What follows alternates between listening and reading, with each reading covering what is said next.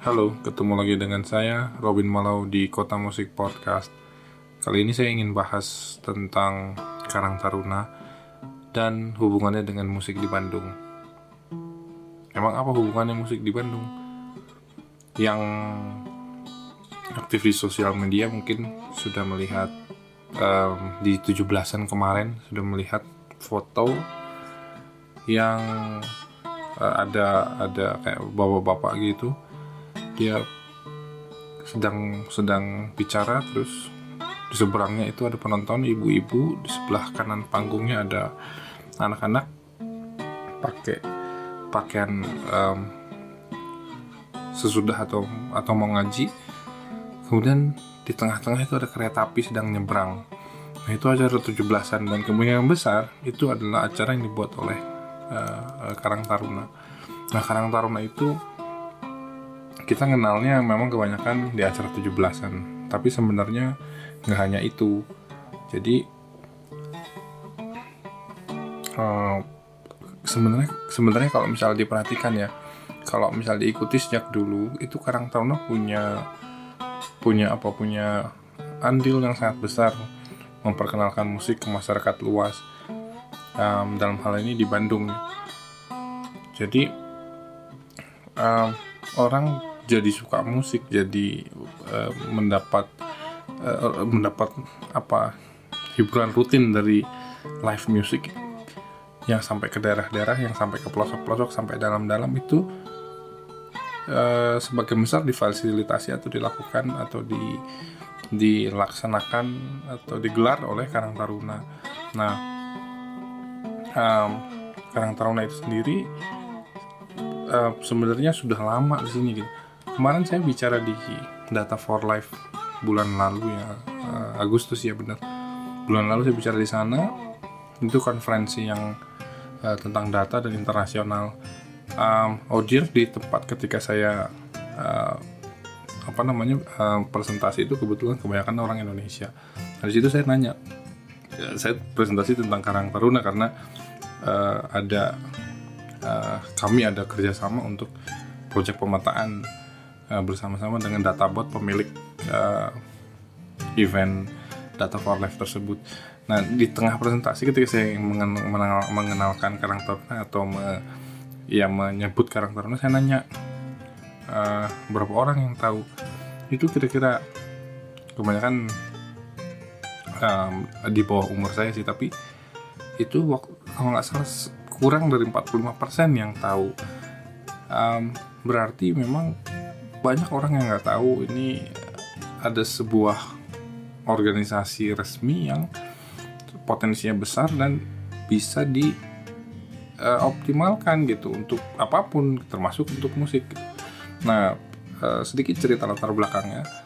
Jadi ternyata Karang Taruna itu sudah lama banget. Banyak yang ngira ini um, oh ini sih buatan buatan rezim orde baru gitu secara resminya saya nggak tahu juga ya apakah benar atau nggak. Tapi sebenarnya dari sejarah resmi yang di yang di apa namanya yang diinikan apa diinikan di digunakan oleh Karang Taruna itu adalah Karang Taruna itu lahir di tahun 60-an um, waktu itu dibuat untuk sosial eksperimen jadi uh, untuk ya seperti apa yang terjadi sekarang oleh anak muda kemudian kegiatannya kegiatan sosial gitu dan itu hanya eksperimen belaka dulu.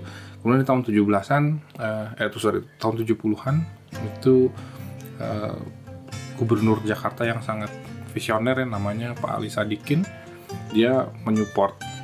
Dia pertama uh, apa namanya uh, pemerintah orang dari pemerintah yang mensupport Karang Taruna ini gitu karena melihat potensinya. Kemudian uh, berjalan terus uh, banyak kegiatan dan ternyata ada hasilnya. Tahun 80-an itu oleh MPR di di apa di disahkan sebagai um, apa youth development platform.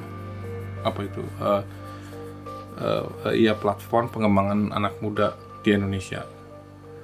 Kemudian uh, tahun 9 di era 90-an itu ada krisis ekonomi uh, waktu itu perkembangannya stagnan meskipun demikian saya sih sedang sering banget dengar malah acara di Bandung itu malah makin ramai tahun 90-an dan itu uh, yang di gang-gang gitu yang di itu kebanyakan malah acara Karang Taruna gitu. Cuman secara umum, secara nasional konon waktu itu kegiatan Karang Taruna sendiri itu stagnan.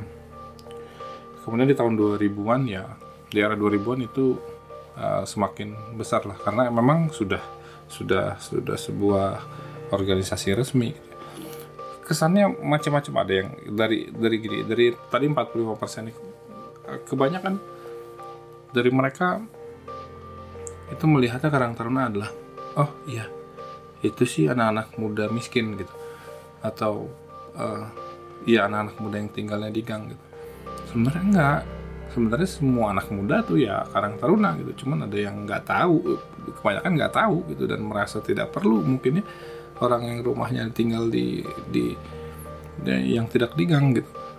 Tapi uh, sebenarnya ini ini ini justru yang potensinya sangat besar gitu loh. Uh, hubungannya dengan musik ya hubungan dengan musik bahwa musik sekarang itu uh, terjangkau karena harganya dari free hingga murah.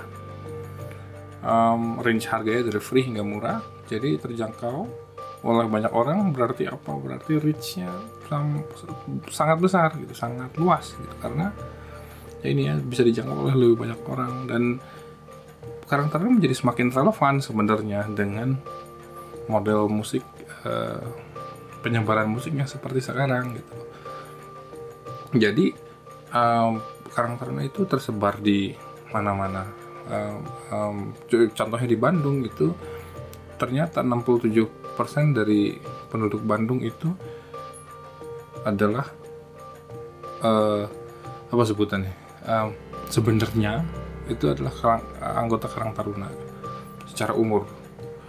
Uh, kemudian di, di Bandung sendiri ada 30 kecamatan, 151 kelurahan, 1567 RW dan 16.000 RT. Nah, itu dari tingkat kecamatan itu ada ketua masing-masing, ada pengurus, kemudian di kelurahan juga ada pengurus. Kemudian ada uh, pengurus teknis di level RW dan RT dan saya dengar dari beberapa pihak itu satu RW sebenarnya punya jatah satu bikin satu konser gitu ya uh, size-nya gede atau kecil atau berbarengan dengan kelurahan atau apa pun itu nggak tahu. Tapi jatahnya begitu gitu. Berarti ada 1500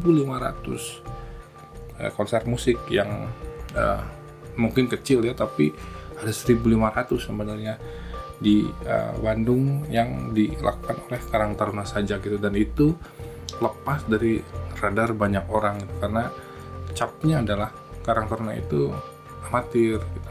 Karang Taruna itu ya nggak keren gitu jadi uh, lepas dari radar orang yang dari dari sponsor lepas dari radar um, anak-anak kreatif yang yang yang tinggalnya tidak di gang dan seterusnya. Padahal tadi sudah berulang-ulang kali saya saya saya sebutkan bahwa um, potensinya sangat sangat sangat besar gitu karena jumlahnya jumlah anggotanya yang sangat banyak. Nah jadi musiknya sendiri akhirnya kan karakternya ya musik anak muda apa pun gitu. dari mulai musik yang kita lihat di MTV sampai musik daerah sampai musik wilayah masing-masing gitu. Jadi uh, ini kaya banget. Saya pernah ke yang benar-benar saya perhatikan gitu. Waktu itu ke kecamatan Lengkong. Itu ada culinary night di sana. Saya diundang kebetulan untuk sharing tentang uh, musik dan karang taruna juga itu uh, uh, ya ya dangdut ada gitu. Tapi ada juga tarian daerah ada uh, penari yang juara sampai ke luar negeri um, dan seterusnya dan seterusnya dan seterusnya. Itu hujan pun masih pada ngumpul gitu masih pada menikmati musik gitu. Karena di situ saya lihat uh, iya itu ya ragamnya. Ragamnya itu banyak sekali. Jadi bisa kelihatan sebenarnya bakat-bakat itu kalau misalnya kita uh, mau gitu ya Eh, pengembang musik gitu ya atau uh, siapa pun lah pemerintah uh, industri dan nggak tahu siapa yang ber, berniat untuk mencari bakat berniat untuk mengembangkan musik sebenarnya bisa melihat ke dalam situ gitu yang dalam sekali yang ke dalam Karang Taruna gitu karena di situ sebenarnya ada depth bahwa uh, untuk mengetahui apa sih potensi uh, musik dari sebuah kota sampai uh, ke istilahnya ke pelosok-pelosoknya gitu sampai ke dalam-dalamnya gitu. Nah ini meskipun luas, meskipun banyak anggotanya, memang impactnya nggak pernah diukur. Ini sayangnya ya. Jadi meskipun resmi apa namanya ini ini platform yang resmi untuk mengembangkan anak muda yang sudah disahkan ini tidak pernah di setidak saya tidak pernah tahu ya bahwa ada ukuran impactnya gitu. Jadi ya udah deh anak kesannya ya udah deh anak muda aja gitu ya udah. Ya kalau misalnya dikasih dana dikasih dana gitu tapi ya udah biar pokoknya mereka asal asal apa punya kegiatan aja. Agak sayang juga ya karena nggak bisa berkembang jadinya kalau misalnya hanya hanya begitu saja tidak ada tidak ada pengukuran tidak ada kalau tidak ada pengukuran berarti tidak bisa ada pengembangan gitu karena mau ngembangin apa mau nggak ada ukurannya gitu.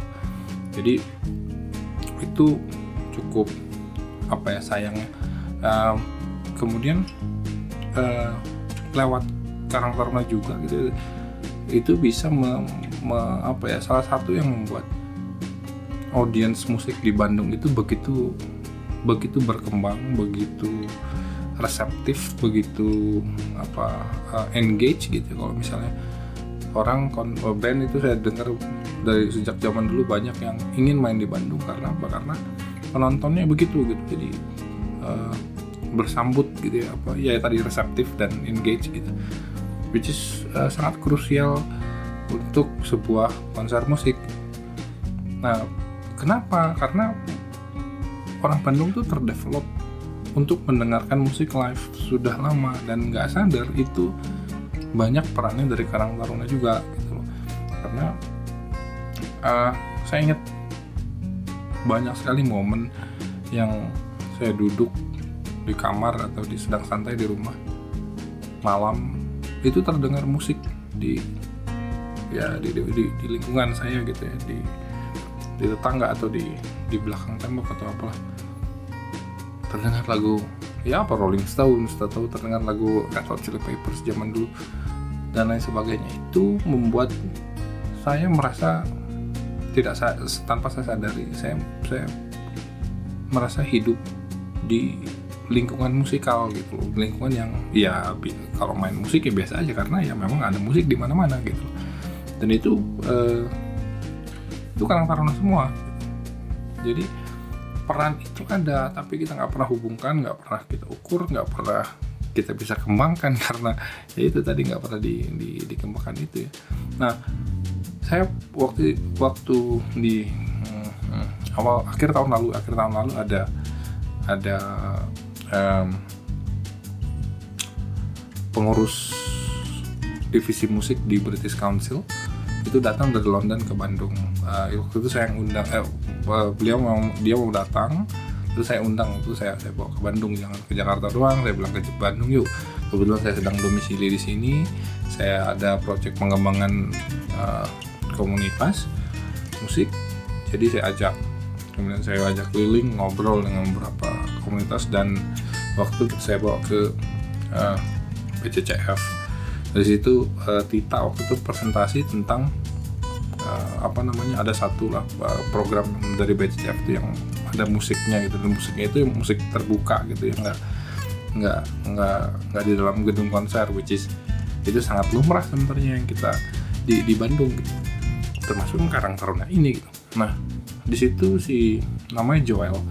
Joel baca Joel atau jo Joel kayak Joel dia ngomong eh gue agak-agak terkesan nih karena kita di UK sekarang susah banget ngajak orang keluar dari pub untuk menikmati musik gitu. Jadi nah, musik itu jadi niche banget gitu loh jadi kecil gitu. Jadi kita tuh agak sulit mengembangin lagi. Sementara kalian di sini uh, musik itu menyentuh masyarakat langsung gitu loh. Jadi uh, apa uh, menjadi bahasa atau media yang yang sangat kuat karena reachnya langsung ke masyarakat gitu.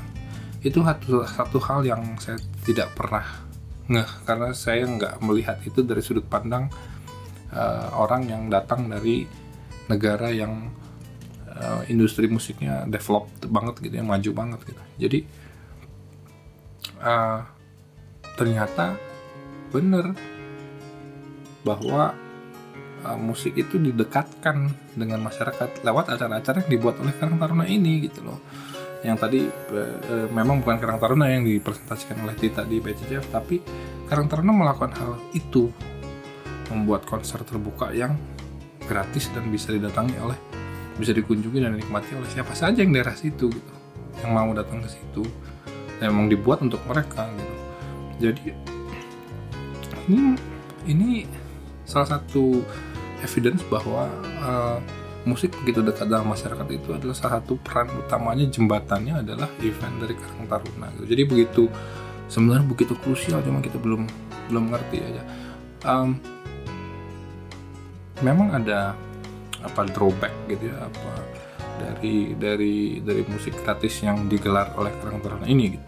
Nah, kita sulit banget akhirnya ketika sekarang kita mau me, apa nge-push uh, undang-undang hak cipta. Apalagi kita punya undang-undang hak cipta baru relatif baru ya udah dua tahun. Um, sebenarnya untuk bisa berjalan terutama di di soal performing rights itu kan banyak musik atau musisi yang manggung di acara Karang Taruna kan cover song banyak. Itu kan nggak pernah diurus tuh gimana performingnya itu siapa yang ciptain harusnya perform di sekian jumlah penonton dapat duit berapa gitu si penciptanya dan uh, berapa juga yang bisa didapatkan oleh performernya gitu ya, yang yang mem, uh, membawakan lagu itu. Jadi itu agak sulit memang.